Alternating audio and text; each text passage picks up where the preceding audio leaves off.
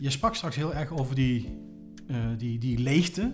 Hè, dat, dat je echt op een gegeven moment geen gevoel meer hebt. Of in ieder geval ervaart dat je helemaal geen gevoel meer hebt. Hoe is dat nu?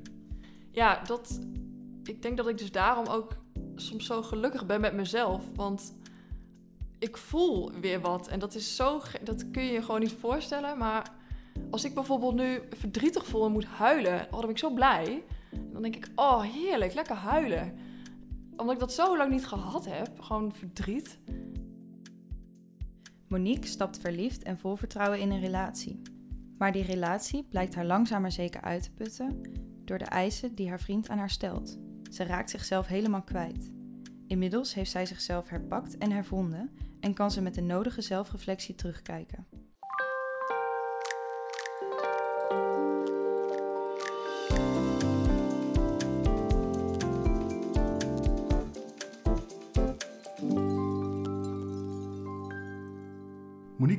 Welkom.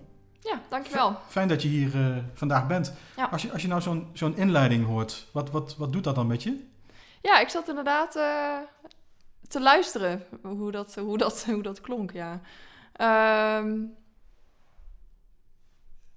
Is dat confronterend? nee, het valt wel mee. Nee, het is wel... eh, ik, ik besef het zelf nog niet altijd zo. Het is dat mensen dat tegen mij zeggen. Van, oh, je bent eigenlijk eh, mentaal nou ja, mishandeld. En dan, dan denk ik, Ja. jeetje, dat klinkt wel heel ernstig. Ja. Zo voelde dat nou ook weer niet.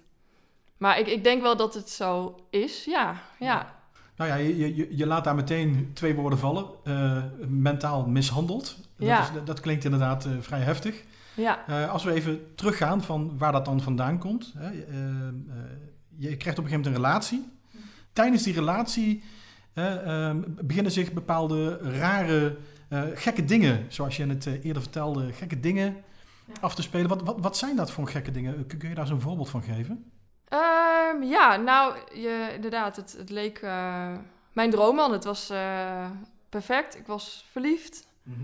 Ehm, en na, ik denk, vier, vijf maanden begon eigenlijk de eerste ruzie. En dat was voornamelijk altijd te maken met jaloezie. Eh, dat ik dingen had gedaan waar hij, waar hij van vond dat ik dat echt niet kon maken, dat ik dat deed. Ehm, en nou, hij benoemde zelf ook wel dat het eigenlijk gewoon te maken had met jaloezie. Ehm, ja, dus dan denk je, nou oké, het is gewoon een ruzie. Hij, heeft, hij is een persoon dat wat meer last heeft van jaloezie. Nou, dat, Ja. dat kan. Eh, is prima, dan gaan we daar samen eh, kijken hoe we daar samen mee om kunnen gaan. Helemaal goed. Ja. En Nou, dan ik wil, ik het, wil eh, inderdaad vragen van hoe ga je daar dan mee om hè? In, in zo'n relatie op dat moment? Eh, Ja, wat nou, wat voel je daar dan bij op dat eh, moment al?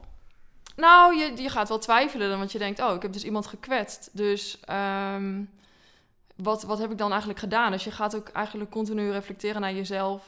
Van wat, oh, wat heb ik eigenlijk gedaan in die situatie? Dat ik hem dus zo gekwetst heb daarmee. En, ehm, en je hebt het er samen ook over. Dus wij praten ook wel echt heel veel na de ruzie. Als we dan weer een nachtje geslapen hadden. En dan zei hij zelf ook wel vaak, dan stelde hij zich heel kwetsbaar op. Van, ehm, ja, ik heb wat meer last van jaloezie, sorry daarvoor. En eh, als ik weer jaloezie, jaloers begin te doen, zeg het dan direct dat ik niet doorsla daarin. Dus nou, ik denk, nou jeetje, wat een open, open en eerlijke man. Ik denk, nou wat Ja. fijn en we kunnen zo diep praten. En Was- dat begint zie, dan... zie- zie- eh, je dat dan nu als een, een valkuil waar je toen Ja, nou, het, is, het lastige is dat hij... ehm, ja, wat, ja, ja, dat zeker. Want ik vind dat wel fijn om gewoon goed te kunnen praten. En een diepgang erin. En dat je beide kwetsbaar opstelt. En eerlijk bent over je gevoel. Ja. En dat was hij. Eh, dus daar krijg je wel een zwak voor, ja. En omdat ik zelf heel zorgzaam type ben, Ja. denk je, oh, ik kan hem hierbij helpen. Misschien laten we dit samen ook eh, kijken hoe we dat op kunnen lossen. Ik heb niet dan direct van, oh, hij is jaloers, ik hou daar niet van, ik maak de relatie uit. Ja. Nou nou zeg je zelf van, hé, ik ben heel erg zorgzaam. Krijg je dan het gevoel dat je je misschien op een gegeven moment gaat wegcijferen in zo'n relatie? Ja, want hij vertelt dat hij eh, een moeilijke jeugd heeft gehad en daardoor dus wat problemen met zichzelf heeft. En ehm, dus je denkt, nou, wat, wat sneu ook. Dus je krijgt ook een beetje sympathie voor hem. En ehm, ja, je denkt inderdaad van, nou, hij heeft last van jaloezie. Ehm, Ik pas mij wel wat aan. Ik vind Ja. dat helemaal prima. Ja. Die dingen die hij van mij vroeg waren nog zo klein dat je denkt, nou, ik wil dat best wel veranderen in mijn leven. Als ik hem daarbij kan helpen, ik mis dat niet per se in mijn leven. is prima. Ik ga wel wat minder vaak uit. Ja. Weet je, daar begint het dan mee. Of ik drink wel geen wijn. Of ik, weet je, dat gaat dan met dat soort... Nou, geen wijn, dat is, oh, dat is niet direct waar. Moet wel kunnen. hè? ja, dat, dat, dat wel. Maar ik ga wat, wat minder vaak uit. Of wat minder laat maakte ik het dan of zo. Want dat vond hij dan fijner. Nou, oké, is goed. ja. Maar hoe voelde je je daar op dat moment bij? Ja, ik denk als ik nu daarop terugkijk, ehm, dat het me eigenlijk al wel heel erg aan twijfelen bracht. En dat het allemaal dus niet meer zo natuurlijk ging. Want normaal, je gaat uit en je hebt het gezellig. En je blijft gewoon totdat je het gezellig hebt. En je drinkt misschien een keer een wijntje te veel of niet. Maar daar denk je helemaal niet over na. Je, je, avond loopt. En ineens ging ik dus nadenken over mijn avond. Als mijn collega's vroegen, zullen we zo nog even de kroeg in gaan? Dan bracht het al heel veel vragen met mij mee. Van, oh, ehm, kan dat wel? En hoe laat en zo? En wat doet, wat doet hij dan? En eh, gewoon, het bracht direct eigenlijk al best wel veel vragen met zich mee. Waar je eigenlijk helemaal niet wil. Ja, maar dat, dat, eh, dat heb je dan denk ik nog niet zo, eh, zo bewust door. Dan krijg je natuurlijk wel dat die balans op een gegeven moment toch meer gaat doorslaan naar een meer donkere kant hè, in de relatie. Eh, hoe openbaarde zich dat? Ja, ehm, ik denk eigenlijk vooral dat hij op een gegeven moment. En hij doet het niet bewust, dus dat is ook. hij laat ook zijn kwetsbare kant zien. En hij, hij doet het dus ook ergens niet bewust. Dus het, het wordt zo. Ja, hoe moet ik dat uitleggen? Het zit zo dat. eh, dat er niet per se kwaad achter zit, bewuste kwaad. Dus je, je hebt ook best nog steeds een beetje, ik in ieder geval, ik had er nog steeds sympathie voor. En dat je denkt, nou, ik wil wel een beetje. Je had wel door dat zijn jaloezie bijvoorbeeld wel erg was, of meer dan eh, een gemiddeld persoon. Maar je denkt, oké, hij heeft dus wat meer jaloezie dan een gemiddeld persoon. Ik wil wel heel graag een relatie met hem, want ik, ik hou van hem, ik ben gek op hem. Eh, hoe gaan wij dan daar samen mee om met zijn jaloezie? Dus je hebt wel door dat ik mij dat ik dus ineens niet of minder vaak uit mag. Of ook niet mag, maar dat je dat dus niet meer doet. Ehm, maar je probeert ook een beetje je relatie eigenlijk continu te redden. Dus je denkt, als ik uitga, dan krijg ik ruzie. En ik wil geen ruzie met hem, dus ik ga maar niet meer uit. En je krijgt onbewust ook niet meer de behoefte om uit te gaan. En ik denk dat dat iets onbewust is van een menselijk lichaam of zo. Dat je denkt, oké, het is of ruzie of uitgaan ik wil geen ruzie, dus ik ga maar niet meer uit. Ehm, ja, en het, ja, ik, ik probeerde gewoon een beetje te leven met zijn... eh, ja, jaloezie was eigenlijk voornamelijk in het begin, ja. Ja. Hè, op een gegeven moment openbaart zich dan ook, ook aan jou natuurlijk dat hij echt kampt met toch wel psychische problemen. Hoe verhoudt zich dat dan weer in die relatie? Want dat komt er dan eigenlijk nog eens een keer bij. Van de ene kant verklaart het wat er gebeurt in jullie relatie, maar jij moet dat wel handelen. Hoe doe, hoe doe je dat? Ja, ja het, het- omdat het zo langzaam gaat, heb je dus helemaal niet door wat er eigenlijk allemaal gebeurt en wat voor een, wat voor een compromis je je dus sluit. En waar je het eigenlijk achteraf natuurlijk helemaal niet mee eens bent. Want ik moet natuurlijk gewoon uit kunnen gaan en ik moet gewoon wijn kunnen drinken met collega's als ik dat wil. Ehm, maar omdat het zo langzaam gebeurt, heb je niet door wat je allemaal opzegt. En ehm, op een gegeven moment, ik was ook verhuisd naar hem, naar de andere kant van het land. Dus ik liet mijn familie en mijn vrienden liet ik eigenlijk ook hier achter. En ik zag ze nog wel, maar in een veel mindere mate. Dus zij zagen ook niet zo goed. Zij zagen wel dat ik veranderde. Maar hoor ik vooral achteraf ook wel. En dat vind ik dus heel interessant om wel te horen. Zij zagen heel goed dat ik veranderde. Maar zij dachten ook van, ja, ze is verhuisd naar Amsterdam. Ze heeft daar ook een nieuw leven.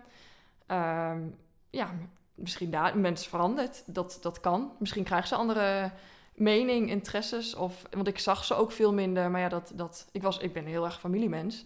Maar dat werd ik eigenlijk een beetje minder. En dat werd ergens natuurlijk ook gewoon geaccepteerd door familie. Omdat ze dachten, nou, als zij dat niet wil, dan, dan is dat zo, zeg maar. Ja. Had je het gevoel dat er toen nog wel een kring was waar je op kon terugvallen? Ja, zeker wel. Want ik woonde met een eh, vriendin samen. Zij wist er ook wel van. Eh, maar het, het was ook heel duidelijk dat zij kan er ook niks mee, zeg maar. En eh, zij kan mij advies geven. Maar uiteindelijk is het mijn relatie en mijn... eh, ik, ja, ik, ik hou van hem, dus ik, ik wilde ook heel graag die relatie voortzetten. En ik wilde er ook echt niet uit. Eh, omdat in de eerste maanden heeft hij mij natuurlijk zo verleid. En eh, op positieve manier hoor. Dus ik, ik was gewoon echt gek op hem. Dus ik wilde gewoon die relatie redden. En je ziet dan helemaal niet meer dat het zo, zo, ja, jezelf zo kapot maakt. Of dat hij zulke gekke dingen van je vraagt. Of om zulke gekke dingen boos wordt. Ehm, dat heb je helemaal niet meer door. Want je wil gewoon die relatie redden. En je denkt ook ergens dat hij gelijk heeft. Hij is ook uh, hoogbegaafd. Dus hij is heel slim in praten. Dus hij verwoordt alles zo dat ergens zit een kern van waarheid in. Dus je gelooft hem ook nog. En je gaat hem geloven en jezelf in twijfel nemen. Dus dingen die je gedaan hebt in je verleden. Ik noem maar een voorbeeld. Stel, ik wil vijf keer in een week wil ik uit. En ik wil dat. En als ik dat wil, dan is dat prima. En iemand wil één keer in de week uit. Dan moet hij dat ook doen. Maar hij kon het dan zo verwoorden dat het echt niet kon dat ik vijf keer in de week uit ging. Dat, dat is alleen voor mensen die uh, heel dom zijn. En dan, nou, dan was hij daar zo van overtuigd. En dan ga je zelf twijfelen van... oh, maar ben ik dan dus dom dat ik vijf dagen in de week uit wil gaan? Je hoort dat dus niet zo in het leven. Voor hem was maar één waarheid. Er was maar één waarheid en hij was, dat was het. En alles wat niet, zijn, niet gebeurde op hoe hij het wilde... dat werd dan ook gewoon uh, ja, negatief gepraat of afgeslagen of hoe noem je dat... Ja. ja, jij moet je dus steeds meer gaan schikken naar zijn waarheid. Ja, ik moest hem steeds verantwoorden van waarom wilde ik naar dat personeelsfeest? Of waarom wilde ik, waarom wilde ik dat? Waarom... Uh, ja, want hij, hij vond toch nergens op slaan dat dat moest en dat dat... Ja, er zijn oneindig veel voorbeelden die je kan noemen. Maar het is vooral heel erg... Mijn keuzes waren eigenlijk altijd fout. En werden altijd de grond in getrapt. Mhm. Dus eigenlijk de manier hoe jij leeft... is eigenlijk gewoon niet juist. En omdat het zo met iets kleins begint, ga je op een gegeven moment eigenlijk aan alles twijfelen. Of je, of je wel, wel de juiste manier met geld omgaat, de juiste vrienden, de, juiste, de manier hoe ik met mijn familie omga. De, gewoon überhaupt dat ik in, uh, in het oosten ben opgegroeid, vond hij wat van. En gewoon het, van alles vond hij wat van. Je komt in die relatie op een gegeven moment uh, echt op een punt dat je uh, op een gegeven moment echt gaat beseffen van ik raak fysiek en mentaal uitgeput. Wat, wat voel je dan? Kun je omschrijven wat, uh, wat je voelt op het moment dat je in die situatie kunt terechtkomt van een fysieke en mentale uitputting? -hmm. um, sorry, ik moet, even, er even nadenken over wat ik voelde eigenlijk. Ja, ik, ik denk dat het gevoel is dat je steeds minder zin hebt in dingen. Want ik hou er dus van om uh, een terrasje op te gaan of naar een concert of uh, spelletjes te doen met, een, met een, een drankje. En, en dat deed ik eigenlijk helemaal niet meer, omdat ik daar heel vaak geen, geen zin meer in had. Maar waarom had je er dan geen zin in? Want dan kom je bij het gevoel wat daarachter ligt. Nou, weet je wat eigenlijk het juiste antwoord is? Je hebt geen gevoel meer op dat moment.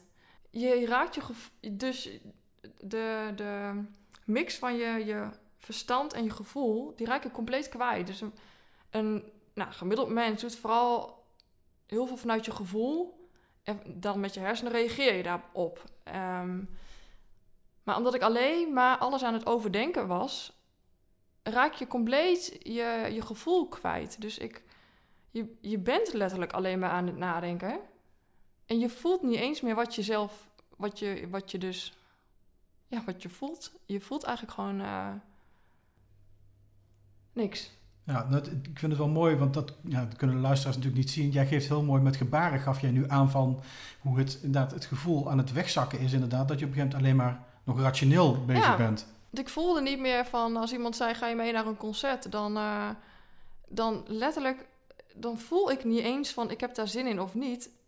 Het gaat gewoon automatisch aan in je hoofd met 101 vragen of het allemaal wat kan en hoe, wat, waar, waar, waar. Dus ik, ik denk dat je, je komt helemaal los van je gevoel eigenlijk. Dus op het moment dat je geen gevoel meer hebt, ja, dan uh, moet je afvragen of je niet iets meer weer terug naar je eigen gevoel moet gaan. Ja, bij jezelf moet blijven weer. Is dat dan beangstigend? Ja, achteraf wel. Uh, en op dat moment,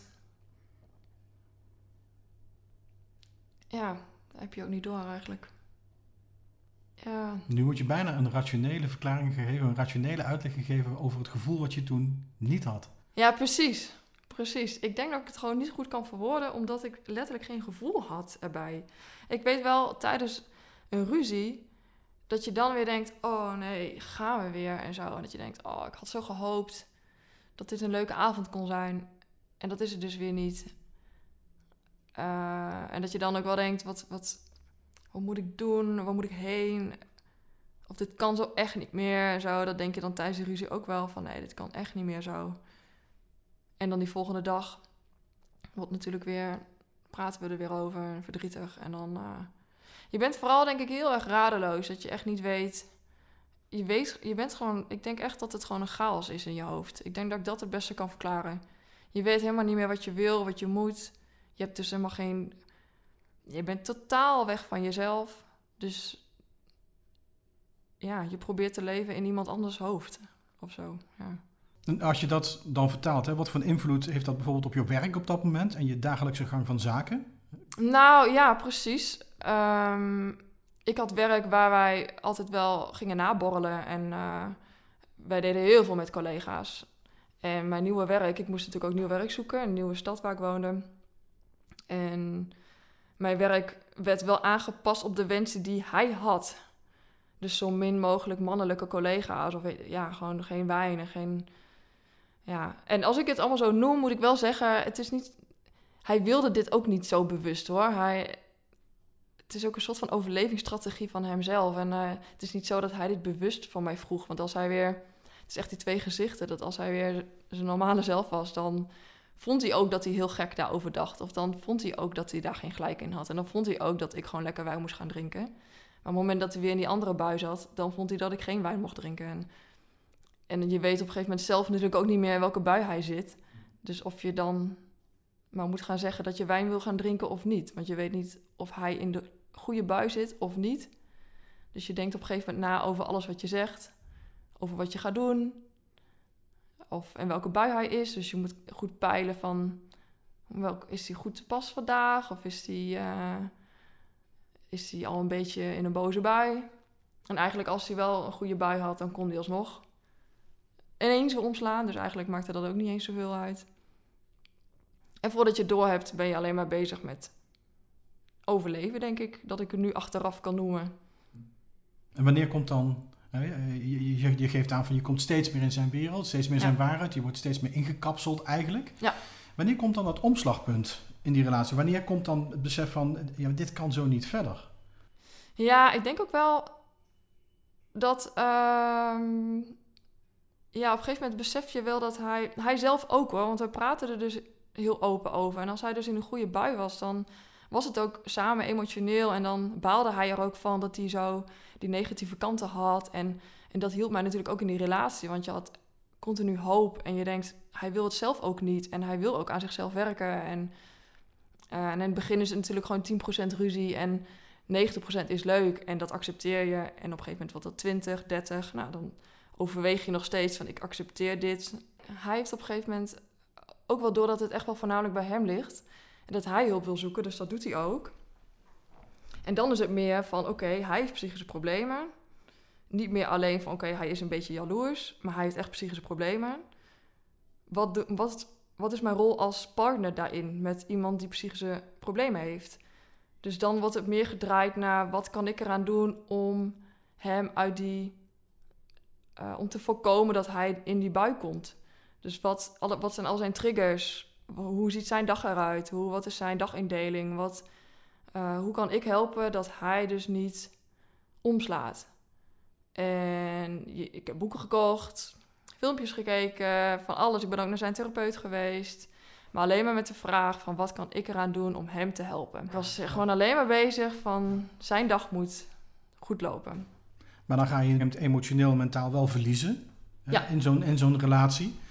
En wanneer komt dan dat, dat breekpunt? Hè? De relatie is, op, is natuurlijk op een gegeven moment beëindigd. Wat was, dat, wat was voor jou het, het, het breekpunt dat echt leidt tot de breuk in de relatie? Ja, ik denk... Wat was de trigger? Ja, ik denk letterlijk dat, uh, dat je niet meer kan. Dat je zoveel hebt geprobeerd. En allerlei dingen uit het boekje alle handleidingen, maar dat het elke keer niet werkte. En dat je denkt, nou, wat, wat doe ik toch verkeerd? Of dat je weer jezelf baalt. Dat je denkt, shit, ik ben niet... Ik, ik ben in mijn emotie... Toch in mijn emotie heb me mee laten slepen. Ik had rationeel moeten blijven. Ehm, terwijl nu achteraf zie ik wel dat dat gewoon niet mogelijk is. Als iemand jou zo kleineert... Ja, tuurlijk doet dat wat met je emotie. Uh, gewoon eenmaal als het je, je partner is. Ehm, en je probeert maar en je probeert maar. En eigenlijk was gewoon ik, ik, kon gewoon letterlijk niet meer. We waren op vakantie en ik, uh, ik had eigenlijk alleen maar dat ik dacht, ik wil hier erg weg. We hadden elke dag ruzie. Het was echt een hele slechte periode. Dus elke dag, letterlijk elke dag ruzie. En die ruzie zei niet van, oh, je hebt de was niet opgevouwen of je hebt niet gestofzuigd. Maar ja, gewoon echt kleinerend en gemeen. Dus dat beschuldigend in jouw richting? Ja, beschuldigend. Ja ja, dat ik ook niet genoeg voor hem doe. Dat ik dus niet genoeg liet zien dat ik van hem hield. Dus je bent continu maar aan het bewijzen van... nee, maar ik hou echt van je. En dat ik hem niet speciaal liet voelen. En uh, dat ik hem niet genoeg hielp met zijn problemen. Dus uh, dat neem je allemaal heel persoonlijk. Ja, je denkt dat dat dan ook ergens echt zo is. Uh, dat, dat lukt hem. Hij, hij, kan zo praten dat, dat het hem ook nog lukt dat je dat denkt van jezelf. En dat is het, dat is het gewoon het hele gekke van zijn stoornis. Ja, maar dat maakt het dus ook extra moeilijk om uiteindelijk die beslissing te nemen om de relatie ja, te beëindigen. Ja, je denkt ook dat jij het verkeerd doet. Ja, dat... Was het een gezamenlijke beslissing van jullie of was het echt van jouw kant? Nee, het was vanuit mijn kant. Ja, ik ben vanuit uh, vakantie uh, eerder naar huis gegaan toen. En toen voelde ik, in de vakantie voelde ik al van dit... Uh, ja, dit, dit, is, dit is echt het einde. Ik heb het een half jaar eerder ook uit proberen te maken. Want toen dacht ik ook van, dit kan echt niet meer. Toen hadden we zo'n grote ruzie. En um, toen dacht ik, dit is ook, dit is het, dit is klaar. Maar toen zeiden we, nou, we gaan samen in therapie. Echt in goede therapie. En toen dacht ik, nou, geef ik dat nog één kans. Um, echt, bij, echt bij echt specialisten, zeg maar. Niet dat anderen dat niet zijn, maar ja, ander soort hulp, laat het zo zeggen. En, maar toen dat ook uiteindelijk na een half jaar ook weer niet hielp. En dan moest je jezelf ook wel gaan afvragen van... Ja, wil ik dat dit de vader is van mijn kinderen? Of wil ik... Uh, gaat dit... Ik weet dat een vriendin was aan mij vroeg van... Ja, is het de laatste twee jaar is het, uh, beter geworden of slechter geworden? En toen zei ik, ja, slechter. Zegt ze, hoe, zie jij dan jezelf nog 60 jaar... Hoe zie jij dan je komende 60 jaar met hem? En dat soort vragen zijn wel, of weet je, vragen als van wil je kinderen met hem? En dat soort vragen zet je wel aan het denken. Van, ja, die zijn heel confronterend. Dan ja. moet je erover na gaan Als je erin zit, zit je erin en dan sudde je een beetje door en je hebt hoop. En ja, zomaar relaties verbreken, dat is voor, voor iedereen is dat natuurlijk een hele opgave. Maar ik denk wel, uh, ja, dat soort vragen, dan dat je denkt, dan word je wel even gewoon, ja, echt even feitelijk van nee, dat het, ja. ja je, noemde nu inderdaad even iemand uit jouw omgeving die, die jou ook daarop aansprak. Waren er meer mensen in jouw omgeving die heel duidelijk voelden van hé, hey, Monique is aan het veranderen en dit gaat, dit gaat echt in een neerwaartse spiraal? Die nee, want uh, niemand wist het. Mm -hmm. omdat, um, ja, omdat meerdere, meerdere redenen. Ook omdat, ja, als ik het zou gaan vertellen, het is niet het is echt een heel verhaal wat je dan moet vertellen. En mensen begrijpen het natuurlijk ook niet, omdat het iets zoiets unieks is. Of, ja, en um, adviezen die je krijgt, dat zijn inderdaad natuurlijk de adviezen van je moet een relatie verbreken. Maar daar zat ik gewoon niet op te wachten, want dat wist ik zelf ergens ook wel. Ik wist ook wel dat hij, dat dit niet een normale relatie was, maar ik accepteerde het in een zekere zin. Ik wist dat, dat dit gewoon de relatie was. En Nee, mensen konden mij hier ook niet mee helpen. Het is iets wat je zelf moet ervaren en zelf moet... Je moet er zelf op een gegeven moment klaar mee zijn. En heb je dan voor je gevoel ook het gevoel dat je met je gevoel alleen staat? Nee, eigenlijk op dat moment ook niet zo. Omdat uh, ik vond het denk ik ook heel erg fijn dat mensen het niet wisten. Omdat, je dan, omdat het dan daar ook niet leefde. Dan, uh, dan kon ik daar echt even heen zonder dat mensen wisten van jouw een hele ingewikkelde relatie of zo. Um, en je gooit ook gewoon zijn hele leven op straat. Dat vind ik in het openbaar. En hij is ook vrienden met uh, mijn familie, zeg maar. Dus het is ook wel best wel persoonlijk als ik dingen over hem vertel. En hij wilde het ook niet. Dus dat is ook allemaal een beetje. Maar ik wilde ook gewoon dat mensen niet negatief over hem zouden denken. Ik dacht als mensen. Uh, als we dan wel familiedag zouden hebben of met vrienden, dan, dan wil ik ook graag dat mensen hem zien als dat hij bij hun is. Want hij uitte dit echt alleen in de relatie bij mij. En zijn vrienden, niemand wist van zijn uh, stoornis af. En dat wilde ik eigenlijk ook wel zo houden. Ik dacht, ik wil dat zij hem gewoon zien zoals die, de leuke kant. Ja, en ik, ik denk, ik was gewoon zo druk met elke ruzie weer reflecteren. En, en gewoon, ik was gewoon elke dag denk ik zo druk met, met mijn planning of zo. Met, met de relatie van, oké, hoe gaat de dag eruit zien? Wat kan ik vragen? Hoe is hij? Wat ga ik komende week allemaal doen? Hoe moet ik dat zeggen? Wanneer? En ik denk dat je gewoon helemaal niet erbij nadenkt over de rest. Je bent alleen maar druk, gewoon letterlijk druk met overleven en de relatie. Ja. Dan op een gegeven moment kom je, hè, je, je noemde net even die percentages hè, van eerst 10, 20 en op een gegeven moment slaat dat door naar de negatieve kant. Op een gegeven moment kom je op die 100%, dat je het gevoel kan van dit kan niet verder gaan. Ja. Tijdens de vakantie komt dat tot een ja, dieptepunt. Ga jij eerder naar huis? Ehm, op het moment dat je dan op Nederlandse bodem weer aankomt, wat, mhm. wat, uh, wat voor gevoel heb je dan? Nee, dit was wel echt een hele erge opluchting. Dat ik eindelijk die stap had gezet en dat ik voelde van ja, ik ben er nu echt uit. Want die stap om eruit te gaan, die had ik op die vakantie al twee, drie keer genomen. Maar elke keer, ja, dan hebben we weer een gesprek en dan haalt hij me toch weer over. En ik snap dat mensen denken van hoe kun je je nou over laten halen. Maar hij is zo slim in het praten. En het is echt manipuleren. En dat doet hij niet bewust, maar dat, ja, je, je laat je gewoon overhalen. Dus uiteindelijk toen ik echt die stap had gezet, toen dacht ik, ja, ik ben er, ik, ben er echt uit. En volgens mij kon ik alleen maar huilen. En daarna kon ik eigenlijk helemaal niet meer huilen, maar was ik gewoon meer een soort van zombie. Ja, ik, ik voelde ook niks meer. Geen plezier of geen verdriet, geen boosheid. Helemaal niks. Ik voelde me gewoon... Uh, ik was ook niet... Ja, ik was wel heel erg moe. Maar ik wilde voornamelijk gewoon zitten.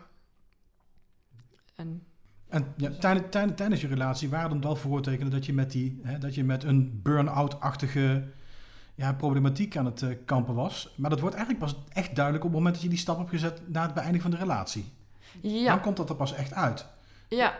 Hoe heb, je dat, hoe, eh, hoe, heb je dat ervaren? Was dat een herkenning of was dat schrik van, oh, wat overkomt me nu ineens? Nou, ik had het in de relatie nog niet per se door. Ik weet wel eens dat ik ehm, heel verdrietig kon zijn, de hele dag alleen kon huilen. Of dat ik een beetje een soort van uh, paniekaanvallen kreeg. En dat is natuurlijk ook een beetje een teken dat je emoties overlopen. Maar alsnog dacht ik niet van, oh, dit gaat helemaal mis. Ik had gewoon wat door dat het een, een, ja, een gekke relatie was, maar niet dat het met mijzelf mis was. Maar toen ik er eenmaal uit was, toen voelde ik wel heel duidelijk: oké, dit is niet verdriet en vermoeidheid van, van je relatie is over verdriet. Maar ik voelde dat dit, uh, ik voelde dat dit wel heel anders was. Ik dacht, dit is mis. Maar goed, dan weet je het eigenlijk ook nog niet. Dus je gaat eerst met de bedrijfsarts. Ik wilde nog werken trouwens. Ik dacht, ik ga maandag gewoon weer naar werk. Ik weet dat mijn ouders zeiden van, hé, je gaat echt niet naar werk. Maar ik zei, ik ga wel naar werk. en toen, uh, toen stortte ik ook, volgens mij, één avond was dat ik gewoon echt helemaal in elkaar stort en huilen. En ik, ik, ik voelde me zo slap. En toen dacht ik, oké, ik kan niet naar werk. Je hebt gelijk.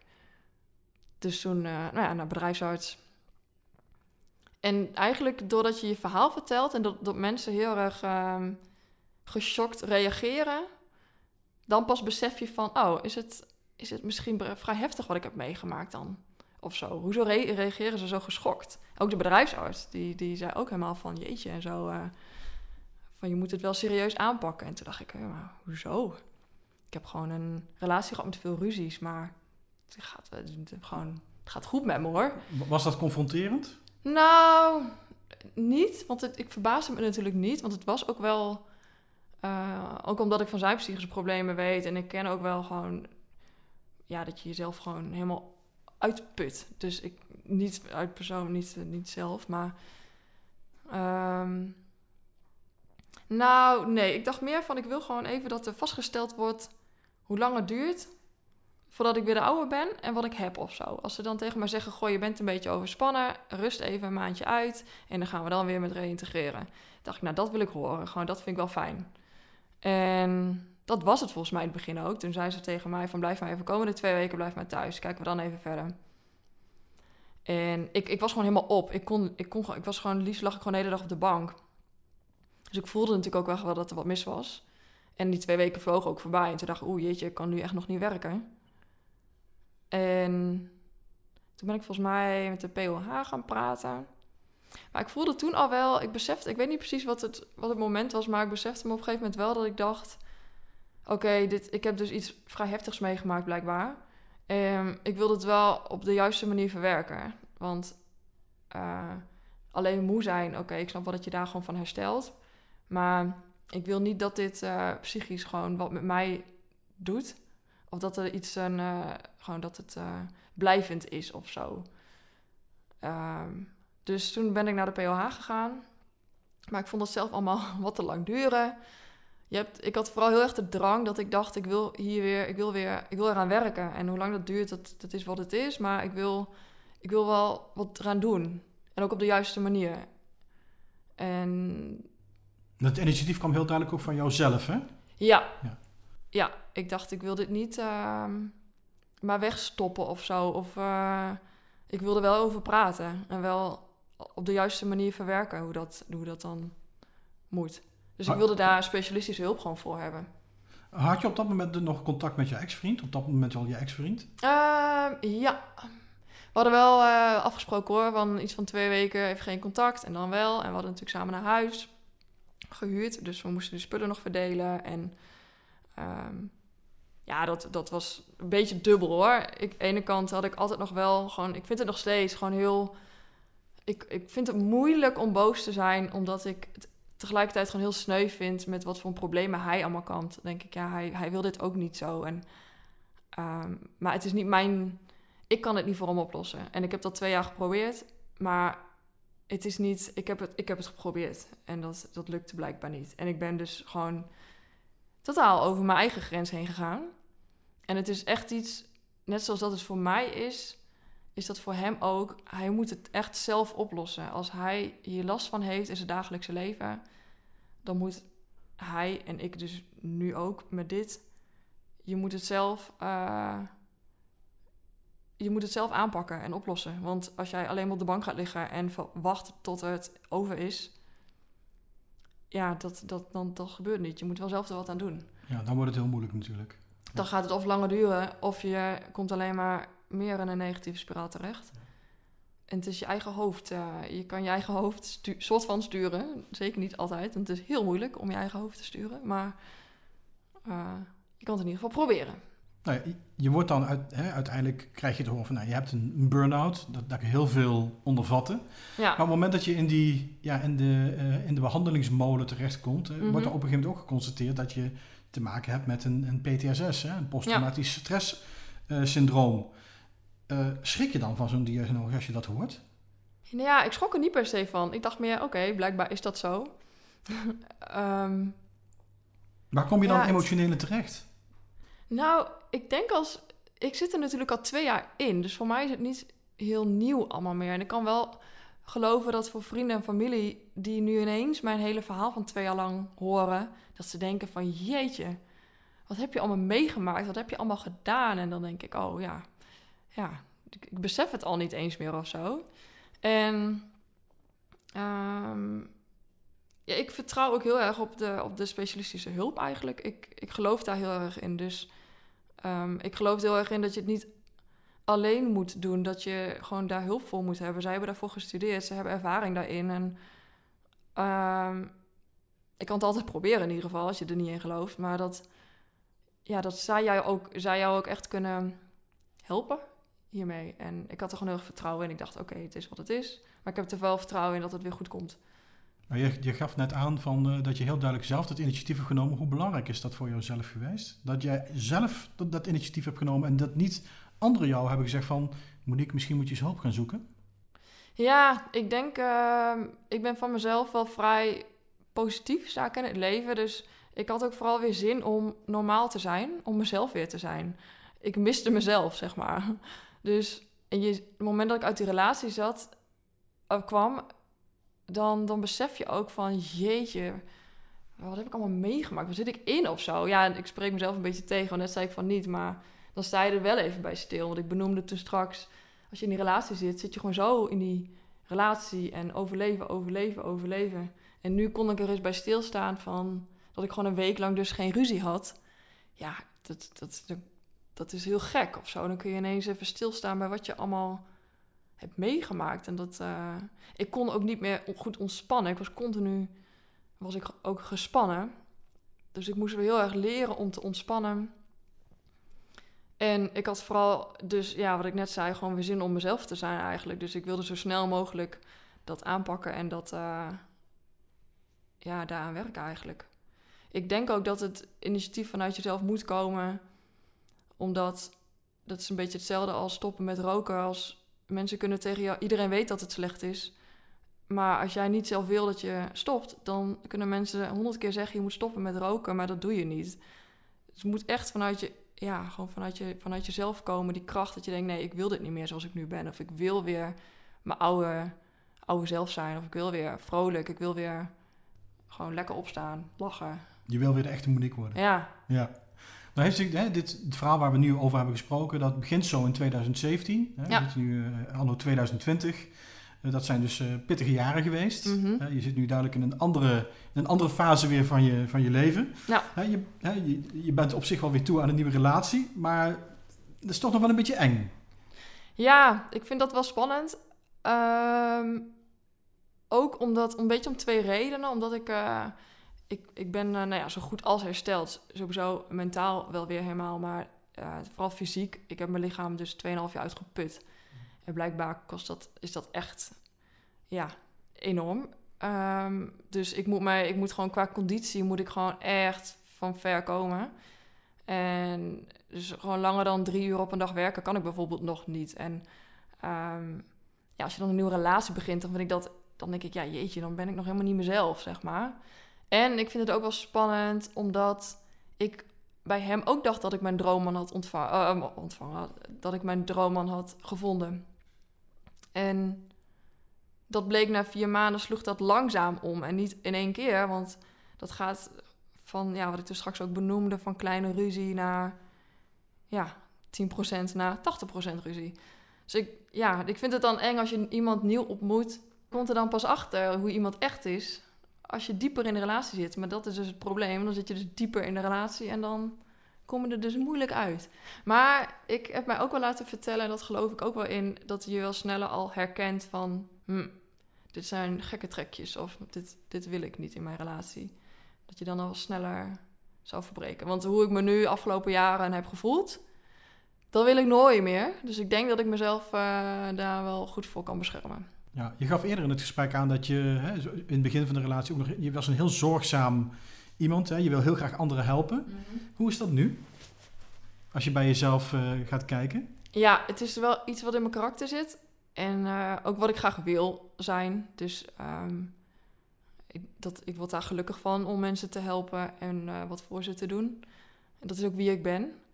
Um, maar ik heb wel heel erg geleerd het laatste half jaar om echt te luisteren naar je eigen gevoel. Dus um, ja, ik probeer een voorbeeld te zoeken, maar dat je. Tuurlijk, ik word er gelukkig van om andere mensen te helpen. Maar stel helemaal nu, nu ik nog een beetje op uh, lage energie zit, moet ik wel even goed voelen van heb ik hier energie voor ja of nee? Krijg ik hier energie van ja of nee? En ik wil dat wel meenemen ook in mijn toekomst. Dat ik heel eventjes nadenk bij mezelf van heb ik hier wel echt zin in? Of um, wil ik dit wel echt of zo? Hoe moet ik het uitleggen? Stel, uh, iemand vraagt mij, zullen we 200 kilometer gaan fietsen? En ik vind dat heel leuk dat diegene mij vraagt en je zegt, oh, doen we. Maar ik kan dat eigenlijk helemaal niet 200 kilometer fietsen. Dat ik dan heel veel bij mezelf nadenk, ja, ik kan dat echt niet 200 kilometer fietsen. Ik wil dat eigenlijk niet. En dat je dan misschien een middenweg vindt of zo, of niet doet. Gewoon, ja, dat soort kleine dingen. Dus ik, ik geloof wel. En dat lukt me steeds beter. Maar gewoon veel meer naar je gevoel luisteren wat je zelf wil. Ja, en dat anderen willen helpen, dat zit natuurlijk ook een beetje verweven in het gesprek wat wij hier nu, uh, nu voeren. Ja, precies. Ja, ja. Wat, wat, wat vind je nou belangrijk uh, in een gesprek als dit, uh, vooral om ook, ook, over te brengen?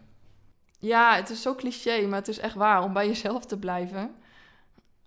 Want als iets gebeurt de laatste twee jaar, is dat ik mezelf compleet kwijt ben geraakt. Want ik hou van naar feestjes gaan. En ik hou gewoon van als het, als het gezellig is tot vijf uur s'nachts nog een wijntje drinken met elkaar. En om lekker te gaan dansen. En eh, ik vind het heel leuk om sociaal te zijn, om bij mensen op bezoek te gaan en eh, mijn familie drie keer in de week te zien. Dat, ja, en als mensen dat te veel vinden, dan maakt me dat niks uit, want ik, ik wil, ben graag bij mijn familie. En ja, mensen vinden altijd wel wat van je, maar het is vooral belangrijk om je eigen normen en waarden te volgen. En dan creëer je ook je eigen. De mensen die dat ook vinden, die creëer je dan wel dus om je heen. Die verzamel je dan wel om je heen. Heb je ook het gevoel dat je nu al op eigen kracht verder kunt? Ja. Ja, nou, ik ga wel nog hulp zoeken bij, ehm, eh, bij de fysiotherapie. Ook omdat ik te ongeduldig ben.